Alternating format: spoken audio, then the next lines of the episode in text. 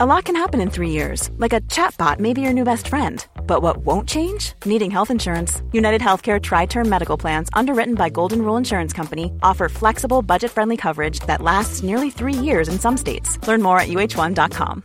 Hey, I'm Ryan Reynolds. At Mint Mobile, we like to do the opposite of what Big Wireless does. They charge you a lot, we charge you a little. So naturally, when they announced they'd be raising their prices due to inflation, we decided to deflate our prices due to not hating you. That's right. We're cutting the price of Mint Unlimited from $30 a month to just $15 a month. Give it a try at mintmobile.com slash switch. $45 upfront for three months plus taxes and fees. Promo rate for new customers for limited time. Unlimited more than 40 gigabytes per month. Slows. Full terms at mintmobile.com.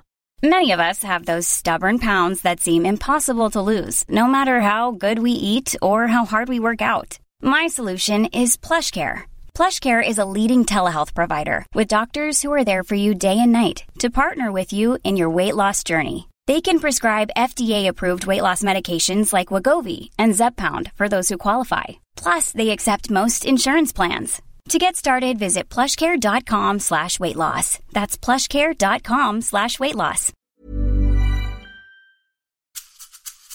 Jag har alltid valt den vägen som har gett mig lägst lön, eller vad man ska säga.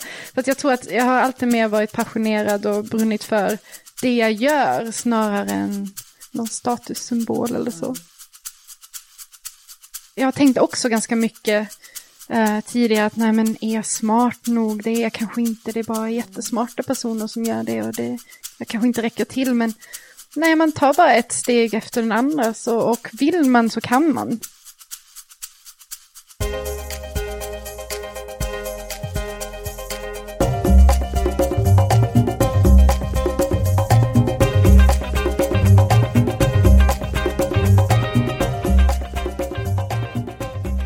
Hej och varmt välkomna till Karriärpodden. Nu ska vi strax kicka igång det nya avsnittet med supertalangen Elina Berglund Scherwitzel, grundare av Natural Cycles. Och för de som inte har hört talas om Elina så är hon forskare, partikelfysiker och beskrivs ofta som ett matematiskt snille. Hon är otroligt framgångsrik forskare som var med och upptäckte Higgspartikeln på det berömda CERN-laboratoriet i Schweiz för att sen bli entreprenör tillsammans med sin man, där de har grundat det spännande företaget Natural Cycles, som har utvecklat en fertilitetsapp, en P-app, med en komplicerad algoritm som ligger bakom. Hon har fått många utmärkelser. Bland annat kan nämnas att hon vann Women in Tech Entrepreneur Award förra året. Och hon är med på listor som Veckans Affärer, Supertalang och Nytänkare och Näringslivets mäktigaste kvinnor bland digitalisterna nu senast i år. Det där måste vi höra mer om, eller hur? Och innan vi startar så vill jag som vanligt tacka mina samarbetspartners Blocket Jobb och Stepstone. Mötesplatserna för dig som vill utvecklas i din karriär. Och sist men inte minst, ett stort tack till alla mina lyssnare som hejar och peppar på oss eh, i sociala medier. Då så, då kör vi!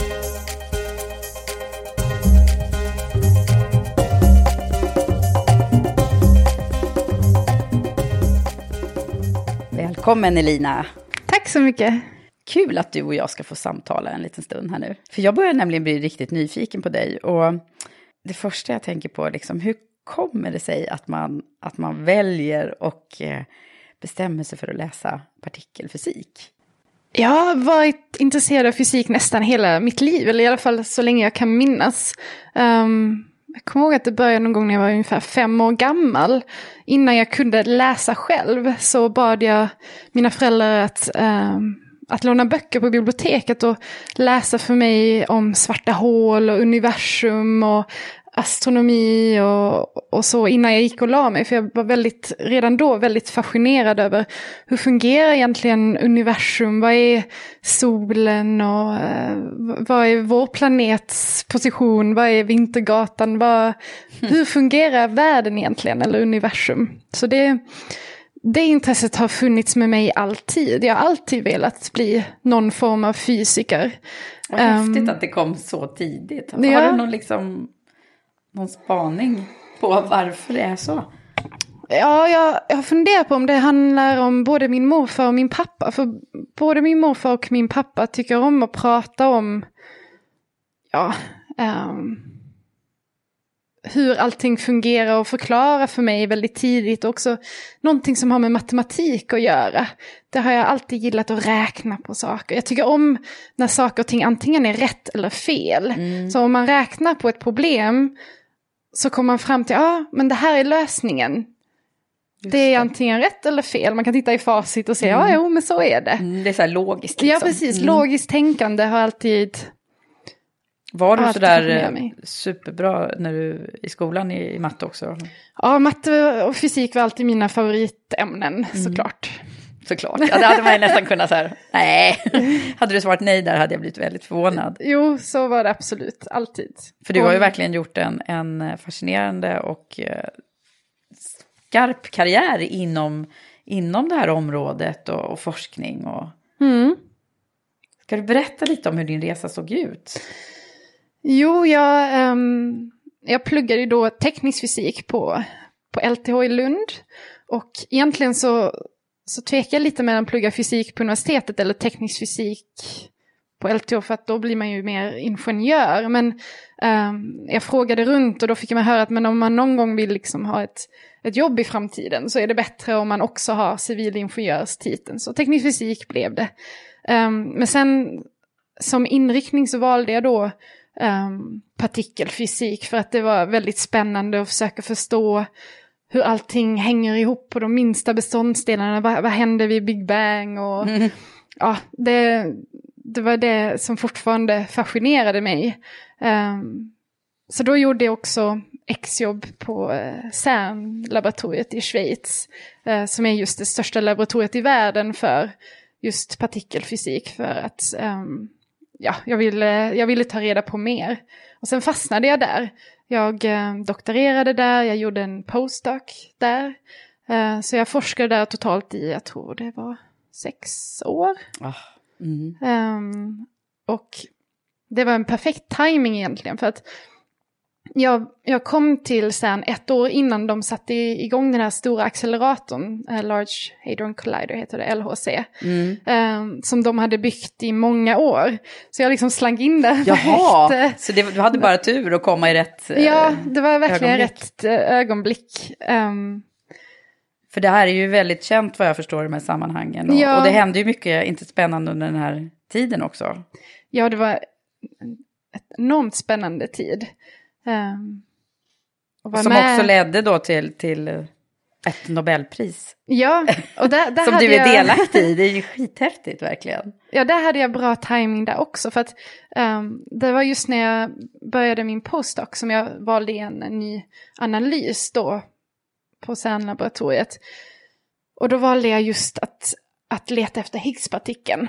För jag tänkte att om det är någon gång som den kommer hittas eller uteslutas så är det nu inom de närmsta åren. Och vad är för lekman på området? Vad är detta nu då? Går det att förklara för någon som inte förstår Ja, något, det är eller? svårt, men eh, jag kan försöka. Ehm, så Higgspartikeln är egentligen eh, den sista pusselbiten i den teori som vi kallar standardmodellen som kom på 60-talet, som beskriver alla de partiklarna, de minsta beståndsdelarna av vår värld, av universum. Och sen då 60-talet så har man hittat alla andra partiklar utom just Higgspartikeln. Mm. Det var den sista eh, som man då letar efter.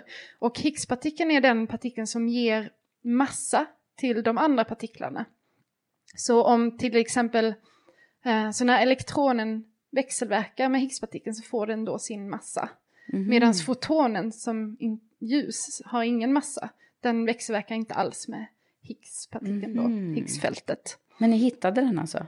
Ja, vi hittade den. Och den hade inte hittats tidigare? Nej, och det, det var det mest spännande ögonblicket i mitt liv. Ja, Absolut, eh, utan tvekan. Eh, vi- Det var fascinerande, vad hände liksom? Var det stor jubel där i forskargänget? då? Ja, absolut.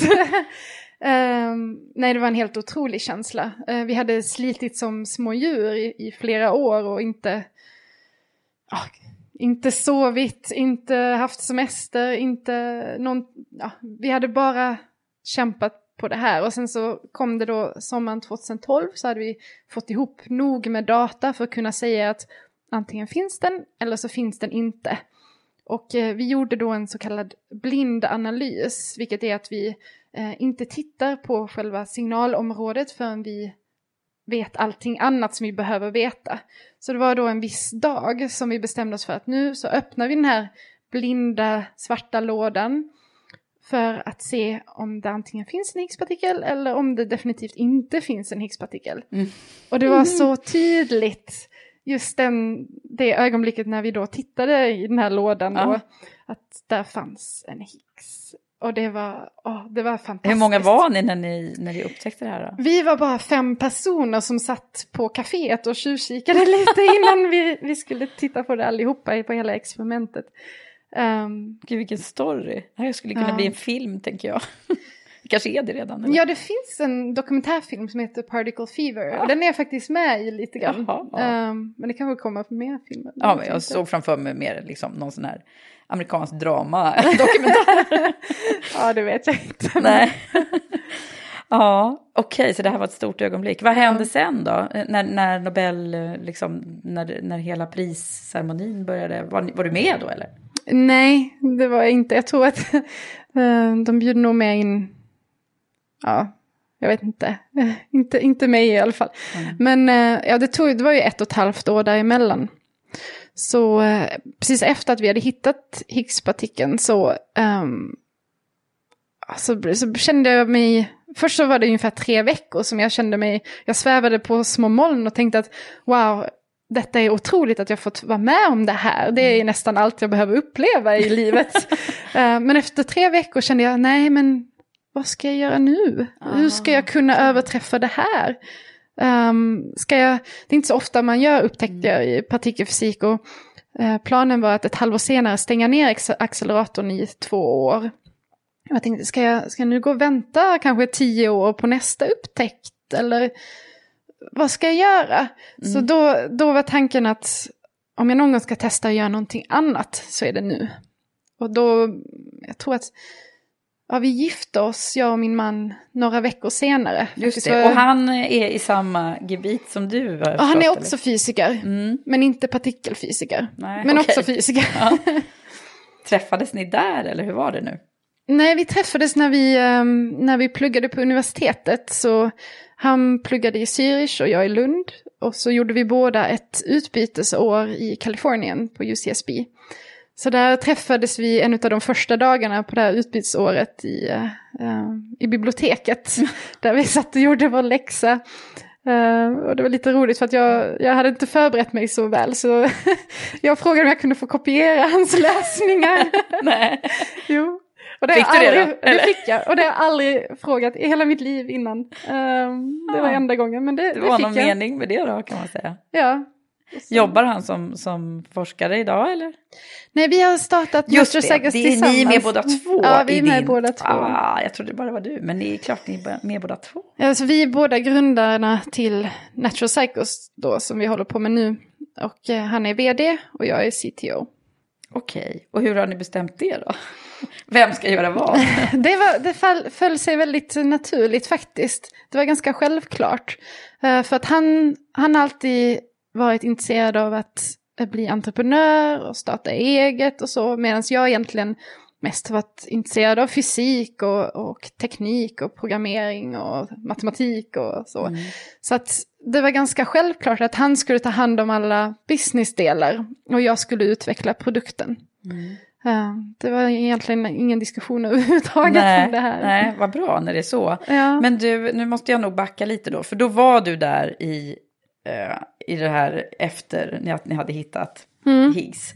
Precis. Och va, va, hur gick dina tankar då? Du, du ville göra någonting annat. Ja, och då var det så att vi hade, jag hade ungefär ett halvår tidigare tagit ut min p-stav som jag hade haft i tio år. För att jag visste att vi om några, några år senare skulle vilja skaffa barn. Tänkte jag att då behöver nog kroppen en paus från hormoner innan, innan vi sätter igång med nästa hormonprojekt. Ehm, så då eh, hade jag googlat runt och försökt hitta något effektivt naturligt preventivmedel. Jag hade inte hittat någonting bra på marknaden. Ehm, så då eh, upptäckte jag också att man kan se i sin kroppstemperatur när man har ägglossning och när man är fertil. Och det hade jag ingen aning om innan, så jag blev väldigt fascinerad av det här. Så att jag började istället för att uh, analysera fysik så började jag nörda in mig på kvinnors kroppstemperatur och, och den menstruella cykeln och hur allting fungerar där. Och uh, jag hade börjat utveckla då en algoritm egentligen för att använda bara själv. För att kunna veta när jag behöver skydda mig och inte. Mm. Och då efter Higgspartikeln, när vi då gifte oss och var på vår smekmånad, så diskuterade vi då vad, vad ska vi göra nu? Om vi ska lämna fysiken, i alla fall ett tag. Och då sa min man Raoul att, um, ja men ska vi inte göra den här algoritmen till en app? Så kan många par ha nytta av den algoritmen som, som du har gjort, så att de kan använda den för att veta när de är fertila och inte. Mm. Och då tänkte jag, ja men vi har aldrig tänkt på att jag, jag har aldrig velat bli entreprenör innan. Men det här tänkte jag att detta är någonting som jag faktiskt vill göra. Mm. Den här produkten vill jag utveckla. Och jag också, det var också då när, eh, detta var ja, sommaren 2012, så apparna hade precis börjat bli större och större. Jag Ja. tänkte att jag måste ju lära mig hur man utvecklar en app. Det verkar ju vara någonting som man ska kunna här i framtiden. Ehm, så ett halvår efter det sa vi upp oss. Jag eh, stängde då in mig i vår lägenhet i typ ett år för att utveckla, vidareutveckla algoritmen och appen. Medans, Du gjorde det eh, verkligen? Ja, Du satt... jag satt i ett Själv? år själv hemma. Ja. Um, Medan min man han, han jobbade då som managementkonsult på IBM det här året för att kunna försörja oss båda två. Eh, och på helger och hans semester så jobbar vi tillsammans på Natural Cycles. Mm. Så det var så det började. Och när var det här nu då? Ja, det var då eh, ja, 2013 Mm. var det. Aha. Så vi lanserade appen i december 2013 i Schweiz först. Aha, först Mm. Schweiz. Hur har det gått där då? Det gick, vi blev väldigt snabbt så här på framsidan av den största tidningen och vi såg ett stort intresse. Men eh, Schweiz är ett litet klurigt land att börja med för att det finns ju fyra olika officiella språk, väldigt mycket olika kulturer. Mm. Ehm, så vi gjorde, när vi fick in vår första investeringsrunda från, de, eh, från tre business angels, änglar, så gjorde vi en marknadsundersökning där vi såg att Sverige skulle vara en av de bästa marknaderna att börja med. Ehm, och det kändes ju ganska naturligt att flytta hit.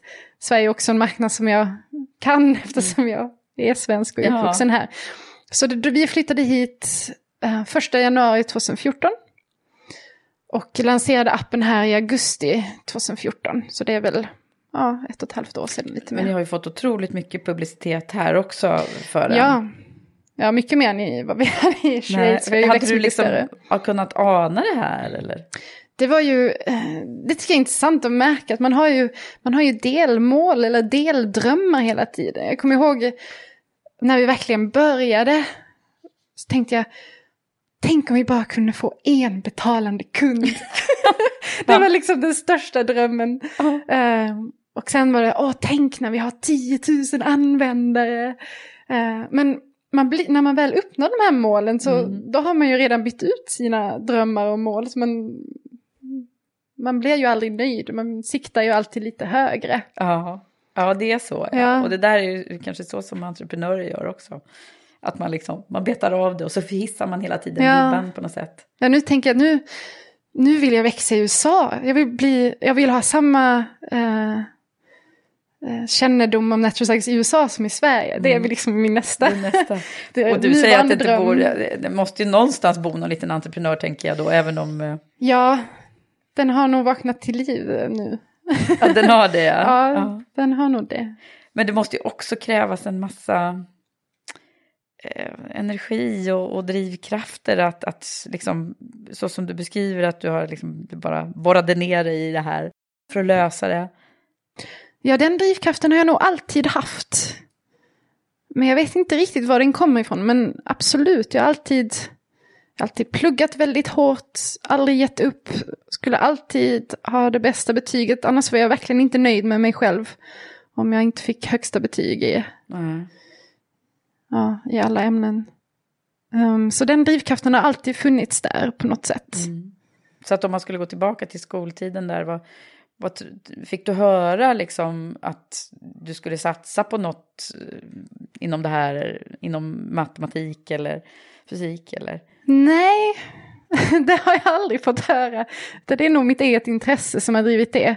Ehm, snarare tvärtom, att många har sagt fysik, vad konstigt, Var, varför det?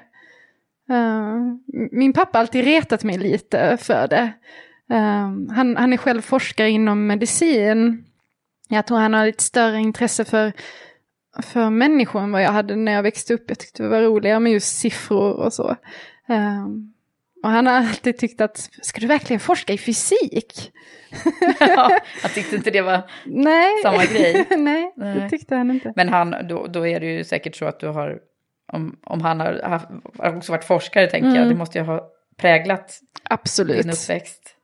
Ja, absolut. Jag har haft så många sena diskussioner med honom om, också om fysik. Jag tror han tycker att fysik är väldigt intressant. Mm. Um, ja, nu, nu tycker han väl det är helt okej okay att jag valde ja. den banan. Men... men... Men skulle du säga att du är uppvuxen i ett eh, väldigt akademiskt eh, hem och klimat? Ja, det tycker jag. Mm. Absolut. Vad jobbade din mamma med? Hon, um, hon har hjälpt min pappa att, att, också driva företag vid sidan om sin, uh, så min pappa är då professor i medicin, men också haft ganska många olika företag som min mamma också har jobbat med. Um, så de är ju också entreprenörer ja, samtidigt. Gud, tänker jag. Det låter ju som det lite, finns lite ja. copy-paste där. Ja, det är nog sant faktiskt.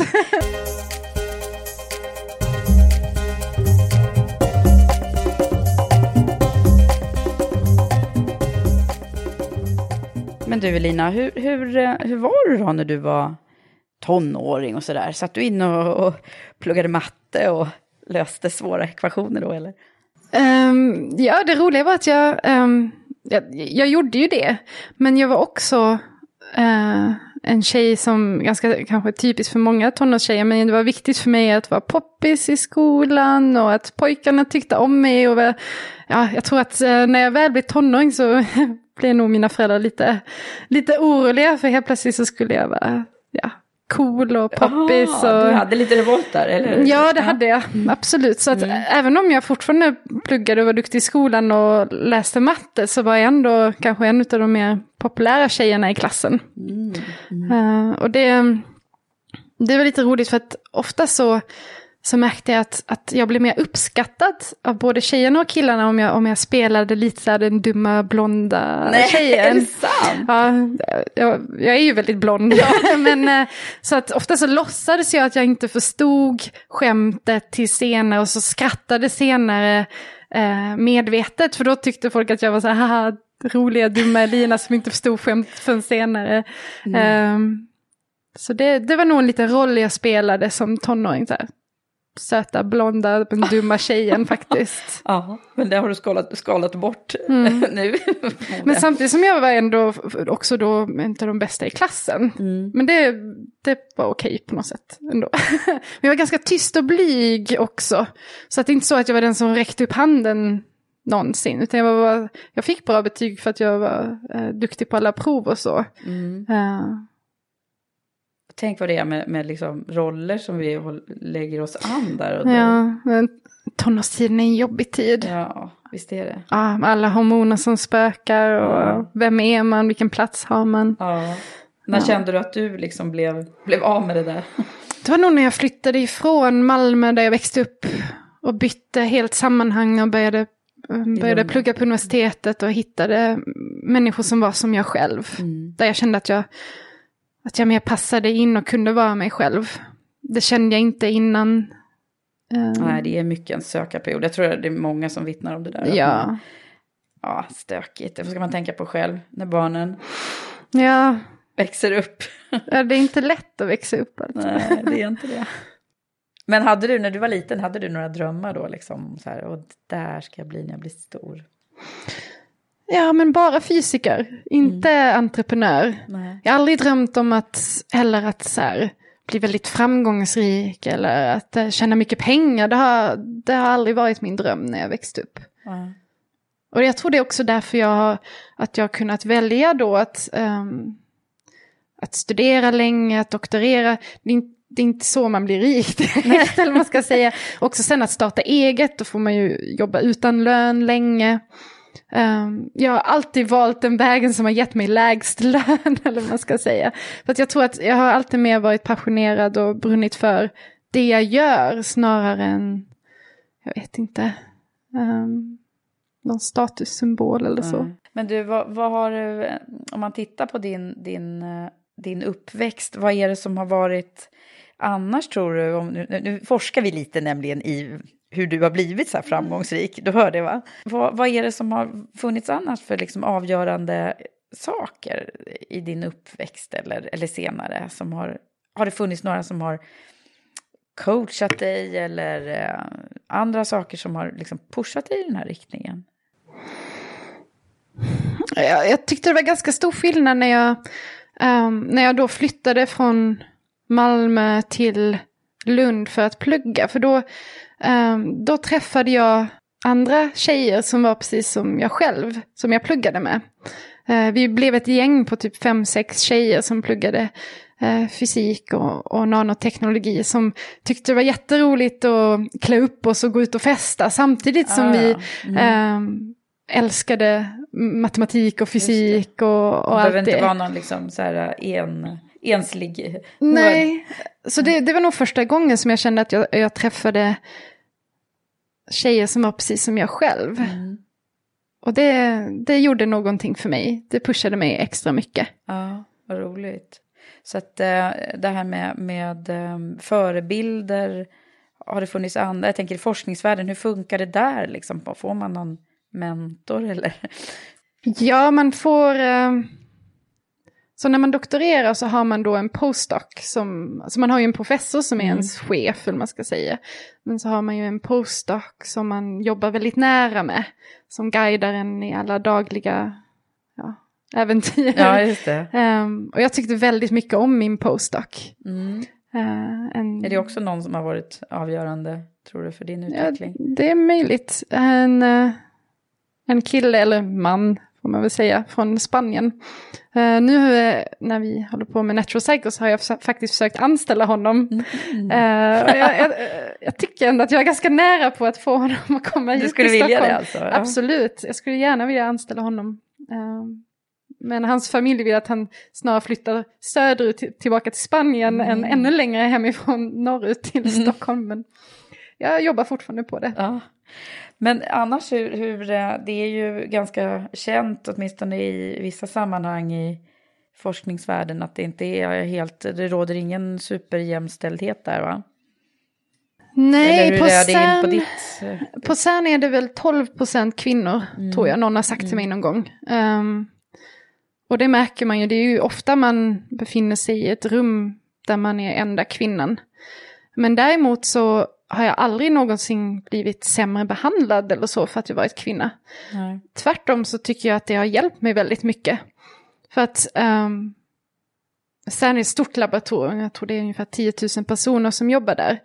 Uh, och stora möten med ja, kanske 100 personer i ett mm. mötesrum där alla ger en presentation. Um, och då om det är 10 killar som ger en presentation och sen kommer jag, så klart att folk märker lite grann mer och ger, lyssnar lite mer för att det är någonting annorlunda. Mm. Um, så du har snarare dragit nytta av det? Ja, det tycker jag. Ja. Man ty, men, men att det är så få kvinnor som satsar på en forskarkarriär, har du någon tes om varför är det så? Jag tror också det har att göra med själva ämnet. Just fysik, matematik och också teknik så är det väldigt få tjejer. Det, det tycker jag är väldigt tråkigt. Mm. Men som man mer tittar mot biologi och medicin så är det ju, jag tror nästan fler kvinnor än män. Um, så jag tror att av någon anledning så tror jag väldigt tidigt att det... Vi är fortfarande fast i de här gamla liksom, rollerna eller vad är det som gör detta? Ja, det är en bra fråga. Det, det intresset finns mindre hos kvinnor. Men vad jag tyckte var väldigt intressant var att, eh, så när jag pluggade på LTH då, och man fick välja inriktning så här, tredje, fjärde året, um, för att vi var, jag tror vi var typ 20% tjejer, något sånt, eh, när jag pluggade teknisk fysik. Och då när man valde inriktning så valde killarna någonting som var mer ehm, eh, experimentellt, mer eh, applicerbart, mer teknik.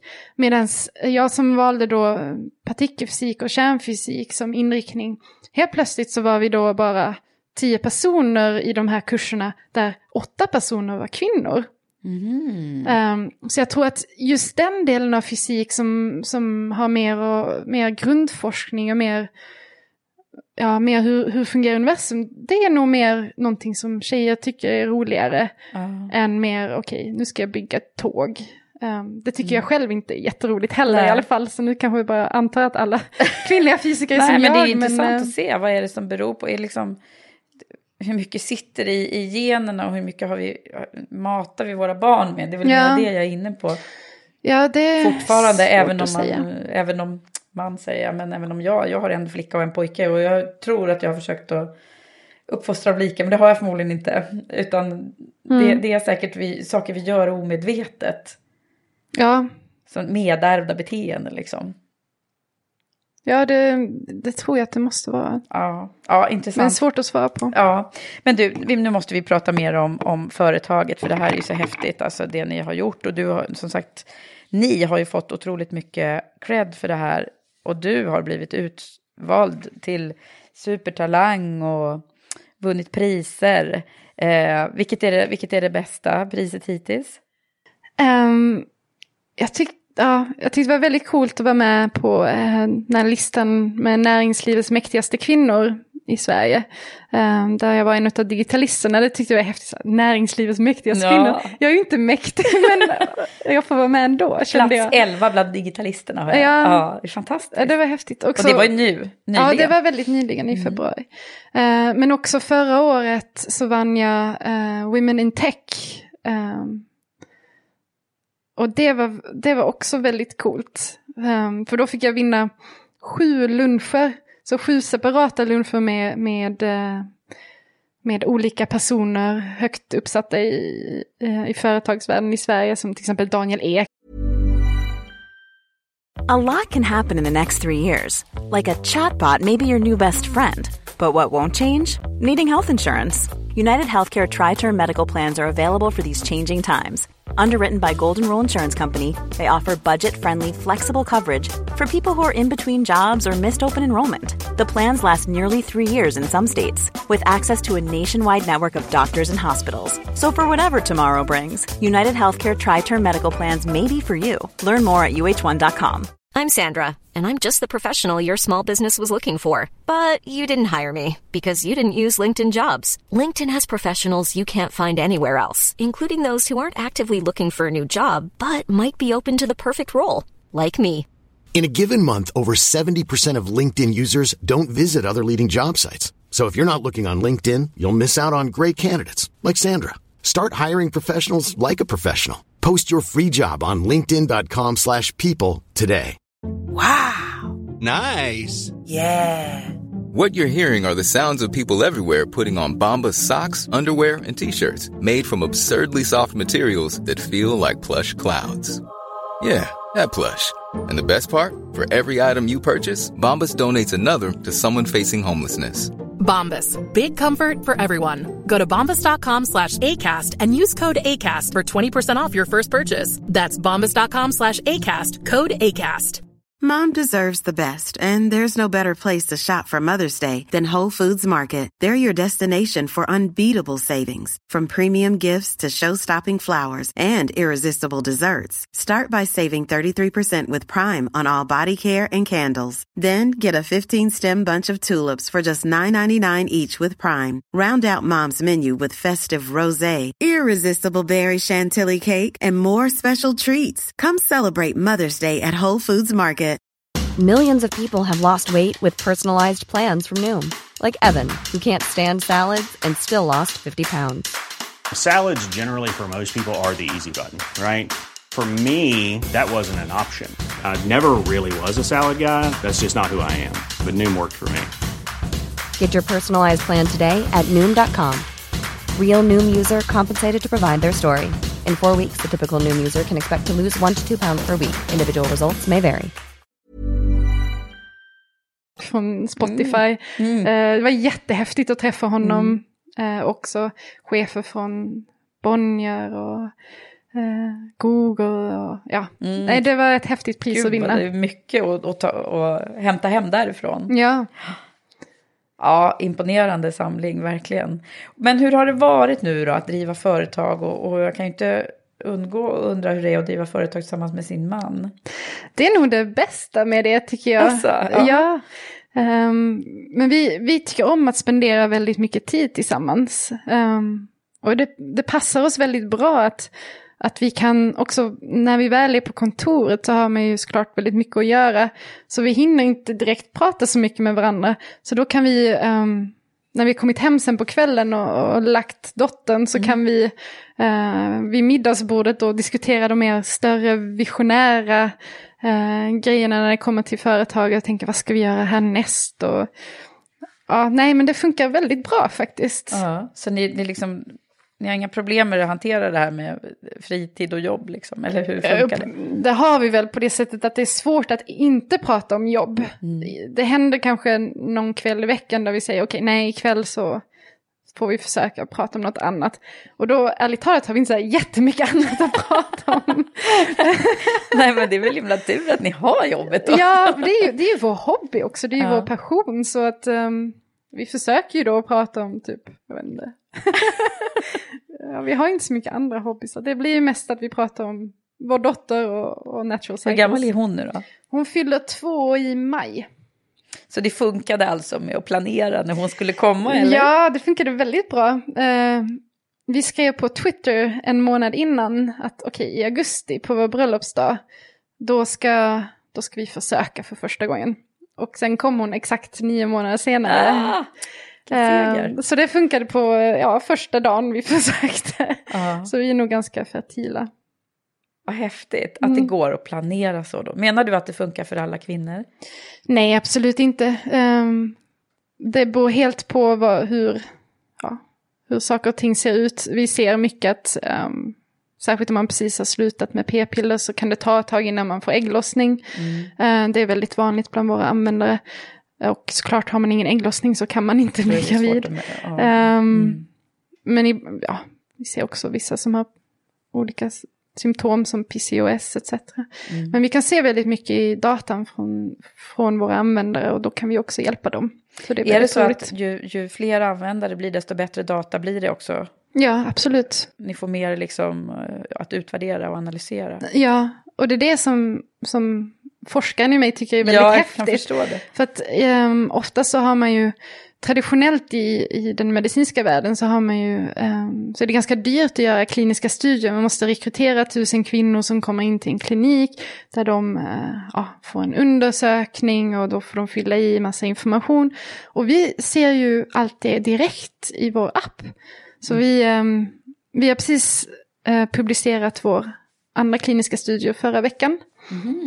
Eh, och, eh, och det är väldigt spännande. Där har vi, där har vi räknat på eh, ett per, så kallat Pearl-index. Vilket man tittar på de som använder ett visst preventivmedel. Hur många kvinnor blir gravida inom ett år.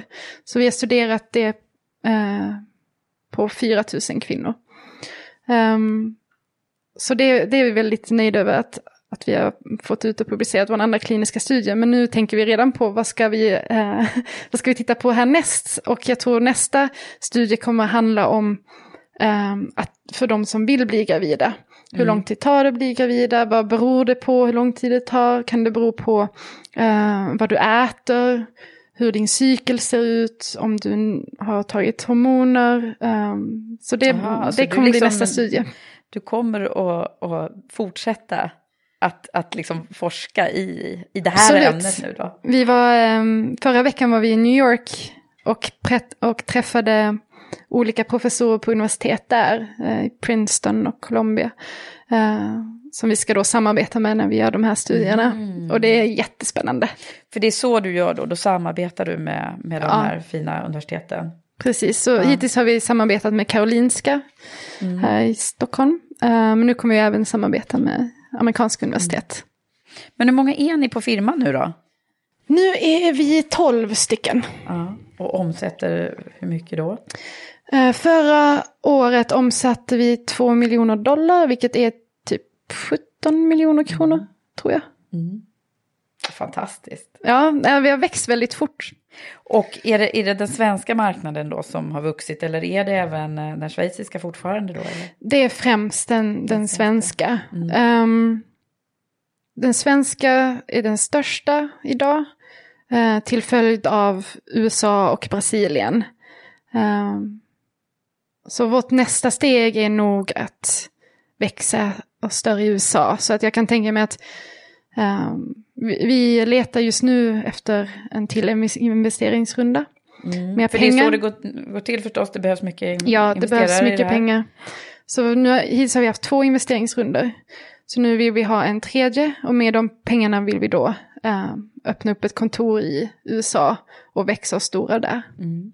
Men vi kommer ha kvar kontor också här i Sverige. Var ska du bo då? Jag får nog flytta igen. tänker jag, i alla fall ett tag. Um, vi har flyttat ganska mycket, mer än, mer än en gång per år de senaste åren. Men uh, det är okej, okay. det är det spännande. Är okay. Men du, om man skulle titta på, vad är om, om liksom din arbetsdag hos dig och sådär, vad, vad, är, vad är det roligaste du vet just nu på jobbet? Så vad jag tycker är väldigt roligt just med att jobba i ett startup eh, och som fortfarande är så litet är att man får göra så otroligt mycket olika typer av, eh, av uppgifter. Så att idag har jag gått från att eh, först programmera en ny typ av graf i appen till att sen intervjua någon som vi vill anställa och sen eh, mer visionärt titta på Um, för idag så har vi några artiklar kommit ut om oss i uh, olika ställen i, i England som The Telegraph och The Daily Just Mail. Idag. Just idag, ja. Ah. Så då har jag tittat på, okej, okay, vad har det lett till? Vad är det för typ av användare? Och analysera vad det är för nya användare som kommer därifrån. Och sen så får jag komma hit och uh, spela in en podd. en podd. Så det är väldigt mycket olika. Men vad jag tycker är roligast är nog fortfarande verkligen bara sitta och grotta ner mig i data och, och analysera mm. data och programmera. Det, det är nog vad, fortfarande vad jag tycker är roligast. Mm. Det verkar liksom sitta djupt förankrat hos dig. Ja, man, mm. man kan verkligen förlora sig i den här typen av arbete. arbete. Tiden går så fort, helt plötsligt så har mm. man suttit där i fyra timmar utan att, ja, utan att man märker det nästan.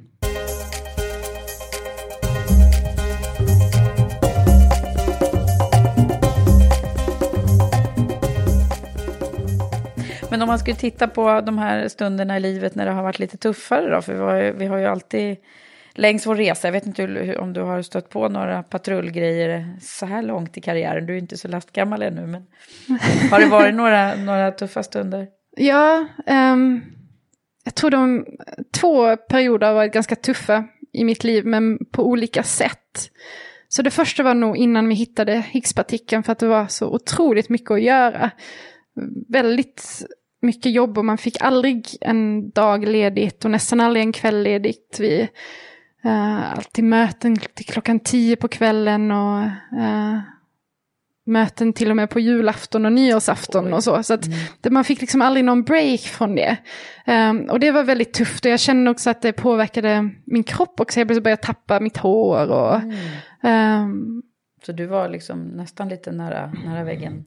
Nej, jag vet inte. Jag var såklart slut, men jag tyckte samtidigt att det var väldigt roligt. Mm. Så att jag, i och med att jag tapp, började tappa mitt hår och, uh, och fick också ont i en del av ansiktet så gick jag då till en, till en läkare och tänkte vad kan jag göra mot det här? Mm. Och hon tänkte att oj men det verkar ju jättejobbigt det här att du jobbar så mycket och så, du kanske, du kanske är deprimerad, men nej verkligen inte. Um, jag tyckte det var väldigt roligt. Um, men det var såklart också skönt när vi väl hittade X-partikeln och kunde ta en semester. semester. um, så det var, ju, det var ju tufft på det sättet, men ändå inte tufft på det med mentala planet. För jag kände ändå att jag kände liksom mig säker mm. i mig själv och bara mycket jobb. Men var det, var det liksom att du var nästan fysiskt utarbetad snarare? Ja, mm. på något sätt. Mm. Uh, men jag kände mig ändå mentalt glad och stark och, och så. Um, sen med Natural Psycho så, så är det ju lite mer skrämmande i och med att man verkligen... Allt hänger ju på en själv när man startar eget. Det kan ju bära och brista. Um, och då var det ganska tufft i höstas, för då, vi hade ju växt, växt oss så stora i Sverige, att vi, vi hade fått en så stor um, del av preventivmedelsmarknaden så snabbt att då började vissa konkurrenter vakna upp mm. och börja försöka stänga ner oss. Det är sant. Ja, och till exempel så ja, det läckte ut saker till press som inte var sant och, och så fick vi också Läkemedelsverket efter oss på grund av detta. Um, och det var, det var jättejobbigt. Men på ett annat plan. Mm. Än, alltså det är inte så att helt plötsligt man har för mycket att göra utan snarare hur ska man hantera det här. Mm. Um, Vad händer då? Så vi, um, för oss, i och med att vi är forskare, så har det varit väldigt viktigt för oss att, liksom, att vi uh, går igenom alla regulatoriska processer som vi behöver göra med regelverk etc. Um, och vi är också uh, en ISO-certifierad medicinteknisk produkt som app. Mm. Det finns inte många appar som Nej, är det, verkligen. så jag tycker det är väldigt coolt. Vi har en CE-märkning som fertilitetsmonitor. Och det är samma som eh, P-datorerna har haft som har funnits på marknaden i 20 år. Mm. Så vi har ju sett vad har de, för vi, eh, vår app gör någonting som är väldigt likt vad P-datorn gör, så att vi har liksom gjort samma sak. Och vi frågade också Läkemedelsverket när vi kom till Sverige i början av 2014, är detta den korrekta CE-märkningen? Mm. Och de sa att fråga de som ger själva CE-märkningen. Och de sa också att ja, men det är korrekt CE-märkning, fertilitetsmonitor. Men då helt plötsligt när vi växte så stora, eh, förra hösten, ehm, så sa de nej, det är inte rätt CE-märkning. Ni ska ha samma, för att kunna säga preventivmedel så måste ni ha samma CE-märkning som kondom, så en annan klass. Mm. Um, om, så därför så fick vi helt plötsligt inte säga preventivmedel längre, vilket ju inte är hela världen, men då blir det mycket dålig press för det här och ja. Det, det var skitjobbigt. Så det var lite media ja. drev det nästan? Ja, mm. definitivt. Mm.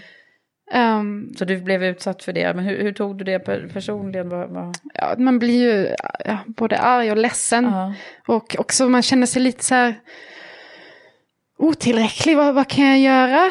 Um, nu, nu känner jag att vi har liksom kommit ur det. Vi, vi får fortfarande inte säga preventivmedel, men vi har fått de som ger CE-märkning att gå med på att ge oss en högre klassifikation som vi hoppas kunna få då. Uh, de kommer hit i maj och så hoppas vi kunna få det då uh, juni, juli någonting. Mm. Uh, och då kan vi säga preventivmedel igen. Så det har egentligen okay. ingenting med produkten att göra. Mm. Men det har tjorvat liksom runt Ja. Mm. Och det har ju gjort också att vi inte kunnat växa sedan dess. Uh, vilket såklart gör att det är svårt att resa mer pengar etc. Mm. Um, så det kommer liksom lite käppar i hjulet? Ja, mm. absolut. Men nu ser jag att det, det kommer lösa sig. Har du dragit ehm. någon lärdom av det här på något sätt? Hur du ska hantera sådana situationer?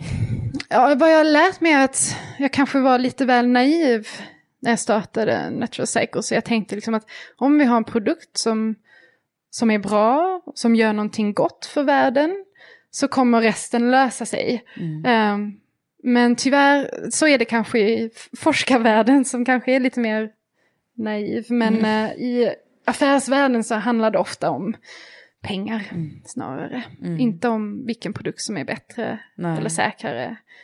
Men har, kom, har, ni fått konkurrenter som försöker göra snarlika?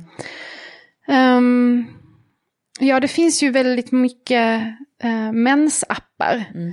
period trackers, som uh, också låter en logga olika saker som kroppstemperatur. Men de, de ger inte uh, indikation på när det är säkert att ha oskyddat samlag utan mm. att man blir gravid så som vi gör.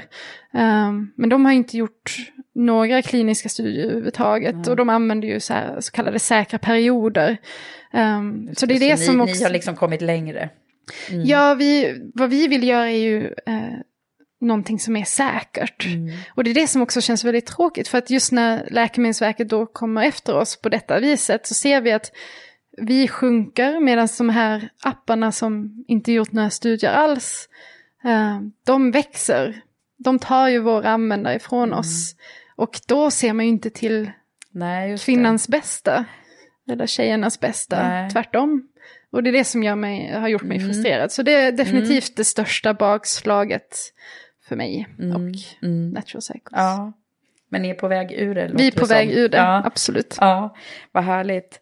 Okej, men om man nu skulle, skulle försöka ringa in lite sådär äh, andra lärdomar och, och saker som du har kunnat äh, lära dig hittills i livet. Vad har du för tips att komma med till, till uh, unga tjejer? Och då tänker jag framförallt på de som kanske är inom det, alltså kanske kan tänka sig en forskarkarriär. Och... Mm. Det är väldigt roligt att forska. Mm. Så om, om man har den passionen, om man tycker det är det som är vad man vill göra, det är säkert inte alla som, som vill det, men de som vill, då borde de absolut satsa på det. det jag tänkte också ganska mycket uh, tidigare att nej men är jag smart nog? Det är jag kanske inte, det är bara mm. jättesmarta personer som gör det och det jag kanske inte räcker till men nej man tar bara ett steg efter den andra så, och vill man så kan man. Uh, Vad är det för egenskaper man måste ha för att bli lyckosam som forskare då? Man måste vara djupt intresserad av det ämnet som man vill forska inom. Mm. Det är nog det absolut viktigaste och nästan det enda viktiga skulle jag vilja säga. Mm. Så att det har egentligen inte bara med IQ att göra, utan Nej. snarare kanske idogt arbete låter det som också. Ja, man måste, det, det är inget 8 till 5 jobb direkt. I alla fall inte inom fysik. Nej. Det är nog lite annorlunda beroende mm. på vad man vill forska inom. Mm. Men... Och grotta ner sig sådär. Ja, riktigt. man måste verkligen satsa. ja. Man måste vara intresserad. Är man intresserad av det då, då tar man sig också den tiden att... Mm. Och egentligen så är det så här, så här är det med, eh, om jag tänker på mina, min samlade erfarenhet från intervjuerna här så är det ju så att det, det är faktiskt gemensamt med många yrkeskategorier att man blir oftast väldigt lyckosam om man är passionerad och liksom brinner för det man ja. håller på med. Då blir det oftast en bra utväxling. Ja. Då gäller det egentligen samma med forskarvärlden då förstås. Absolut, det är speciellt Men bra viktigt. det där med att man inte behöver tro att man ska vara så här übersmart på allt. Nej, um, det är väl, ja, Nej, det är väl svårt att tro på något sätt att man är. Det är väl mm. ingen som går runt och tänker jag är mycket smartare än... Fast du har, ju, du har ju varit en väldigt duktig student låter det som. Ja, men det är nog mest för att jag inte varit nöjd med mig själv om, om jag inte gjort bra ifrån mig. Det har varit det är mer mitt samvete som har varit efter mig. Att jag måste göra bra ifrån mig. Mm. Det är nog inte för att jag är så übersmart. Nej. Nej. Har, du, har du liksom belönat dig själv med att känna dig nöjd i mellanvarven eller? Eller är det på ja. nästa liksom? Eller? Ja men det är väl lite samma sak som där att nej nu måste jag ha så många andra så, och så många mm. användare. Men när man, när, man, när man når sina delmål så, så blir man glad ett tag men det räcker inte jättelänge. Nej. Så det största för mig var ju definitivt när vi upptäckte Higgspartikeln och då då var jag väldigt nöjd, ja i tre veckor ungefär. ja, det låter nästan som en elitidrottsman också, jag menar som tar eh, ett OS-guld och sen är det så här, ja nu ska jag på det igen då om fyra år liksom. Ja, det är nog lite samma känsla mm. kan jag tänka mig. Mm. Du är som en elit. idrottsman ja, eller kvinna. Som rör ja. sig väldigt lite. ja, så är det så. Ja.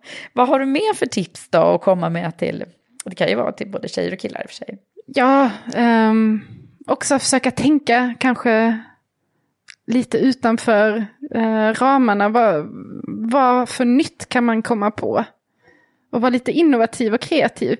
Jag är inte så kreativ och innovativ själv tror jag. Så jag önskar att jag, att jag spenderade lite mer tid.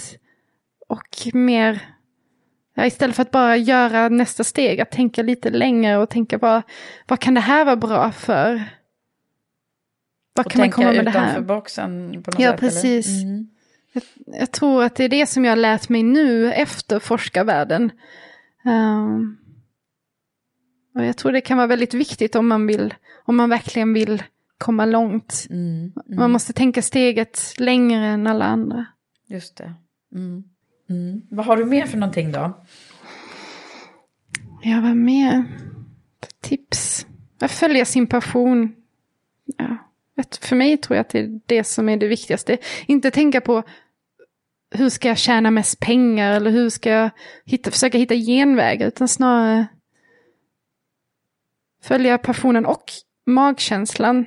Mm. Ofta så tycker jag att man, um, man kommer ganska långt med sin magkänsla och förnuft också.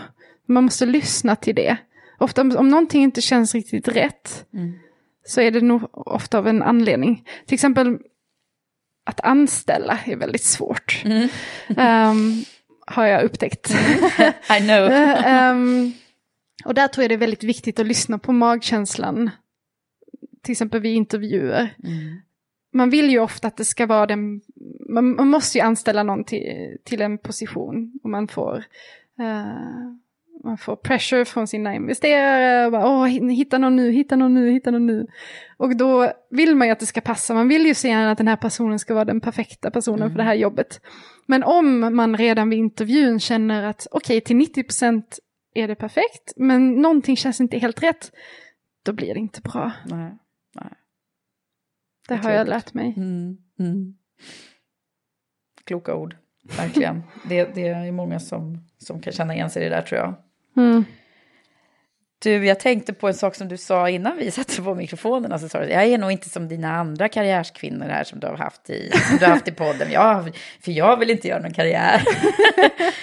Eh, kan du utveckla det lite grann? Hur tänkte du? Ja, det är i alla fall inte det som har drivit eh, mig. Um, där är jag ganska annorlunda mot till exempel min man. Som alltid har haft det i, i sikte. Att, han, han läste fysik och doktorerade för han tänkte att men då kan jag upptäcka någonting som jag sen kan göra ett företag av. Som jag då kan göra en karriär av. Han, han är mycket bättre på att tänka stort. Kanske också därför han är vd. Eh, och jag, jag är produktansvarig. Men Ehm, så jag, jag har inte, inte haft det långa tänkandet, men det, det har gått bra ändå. Ehm, jag har liksom tagit mer ett beslut efter ett annat. Okej, nu bestämmer jag att jag ska doktorera i fysik, då gör jag det. Sen när jag var färdig doktorerad var jag lite så här, vad ska jag göra nu? Ska jag börja jobba på ICA eller vad, vad händer nu? och då tar man nästa steg, okej, men då väljer jag att göra en postdoc och leta efter Higgspartikel, för det tror jag att det, det är nog bra de kommande året, det kommer vi hitta.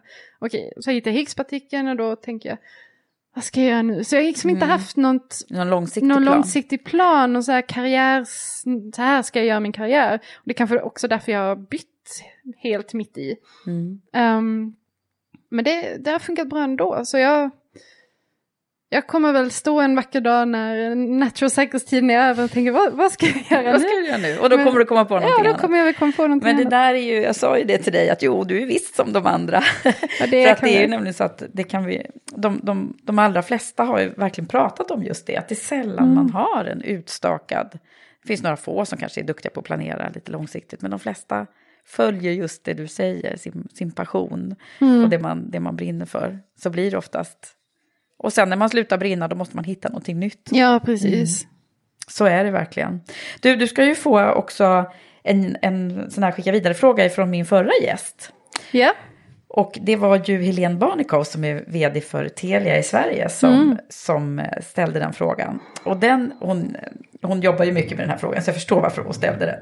Hon sa, frågade nämligen så här, hur jobbar du med digitaliseringen i ditt ledarskap?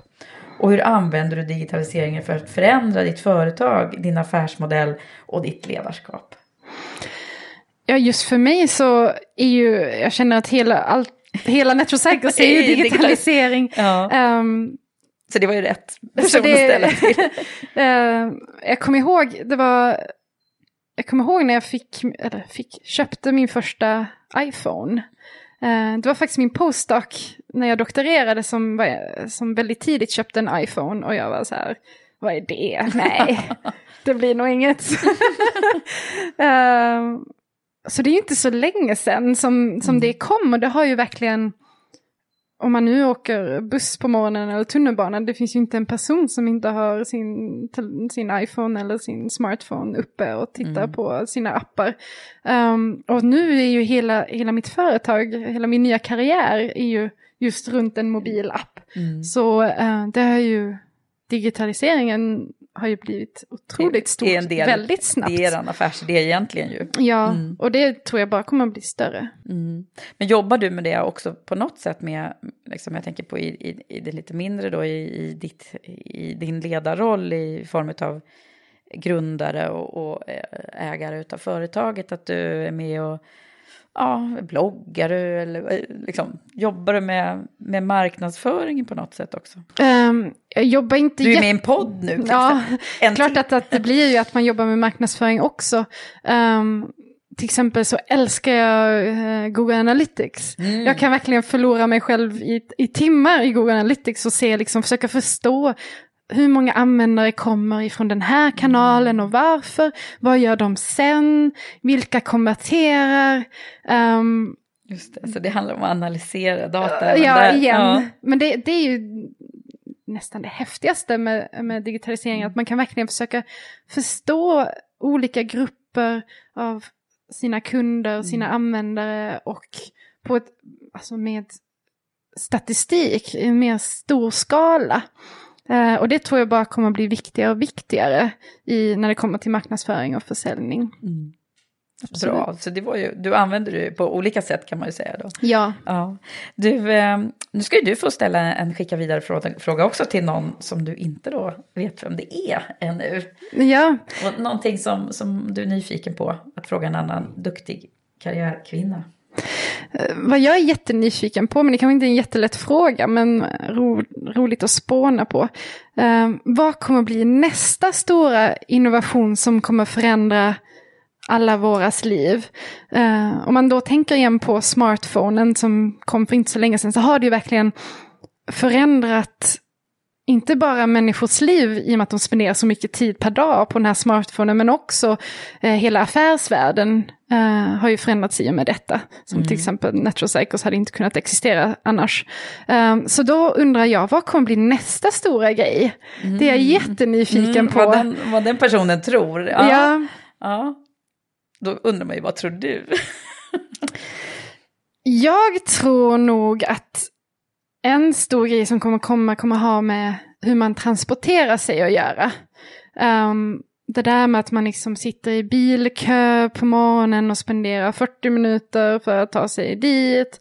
Det känns, ehm, det känns lite omodernt. Så jag tror att eh, self-driving cars, alltså bilar som, kör sig, som man inte behöver köra, kommer, kommer bli en stor del av det här. Eh, det tror jag verkligen kommer förändra vår livsstil och eh, hur vår dag ser ut. Så det, det är jag väldigt spänd på att se vad som kommer hända i just den sektorn. Mm, spännande. Det är kul där att börja tänka in i framtiden och se Ja. vad som ska hända. Um, Elina, jag, sitter och har några frågor kvar eh, fortfarande i mitt huvud och lite grann handlar det om, eh, jag är nyfiken på din, din personlighet eh, och vad det är som, drivkraften har vi redan pratat om, men jag tänker på om man skulle fråga de som jobbar med dig och sådär, vad, vad är det som är grejen med att jobba ihop med dig? Vad skulle de svara då? Jag har aldrig frågat dem, så jag vet Nej, inte. Men, okej. ehm, vårt motto som vi har på Natural Cycles, som jag tror kommer väldigt mycket från mig själv och min man, hur vi är att jobba med, är Be Yourself. Och det är också såklart det vår produkt gör, att eh, kvinnan får vara sig själv snarare än att förändra sin Mm. kropp.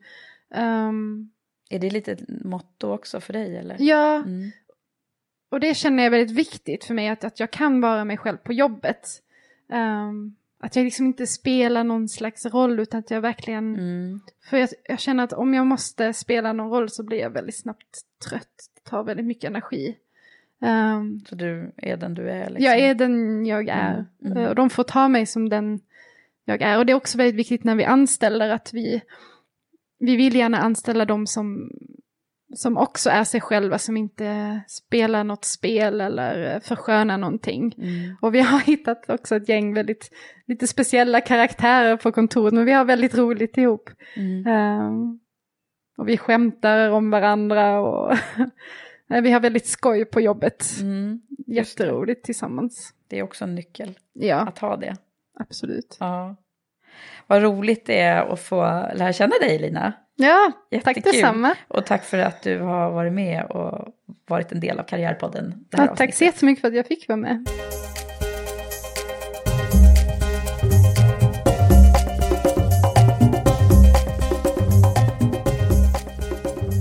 Åh, vilken cool tjej hon är Elina. Och vilken annorlunda karriär. Hoppas att många blev inspirerade av henne och att det går att göra en sån här internationell forskarkarriär och sen svänga om och bli entreprenör. Och återigen, det viktigaste, passion, glöd och stort intresse för det man gör. Det är då det kan leda till så här stora framgångar. Heja dig, Elina! Avslutningsvis så vill jag förstås som vanligt tacka mina samarbetspartners Blocket Jobb och Stepstone som gör det möjligt för oss att sända och publicera Karriärpodden. Tack alla härliga lyssnare. Vi hörs snart igen. Hej hej!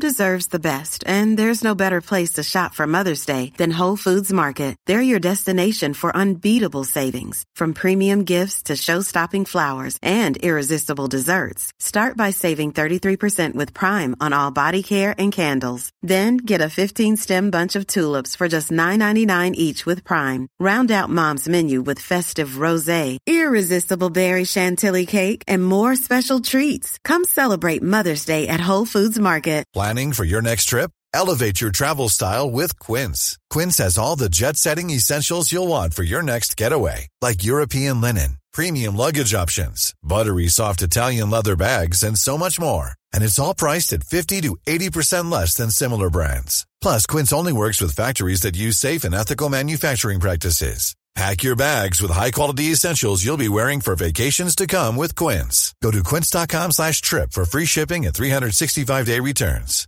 Mom deserves the best, and there's no better place to shop for Mother's Day than Whole Foods Market. They're your destination for unbeatable savings, from premium gifts to show-stopping flowers and irresistible desserts. Start by saving 33% with Prime on all body care and candles. Then get a 15-stem bunch of tulips for just $9.99 each with Prime. Round out Mom's menu with festive rosé, irresistible berry chantilly cake, and more special treats. Come celebrate Mother's Day at Whole Foods Market.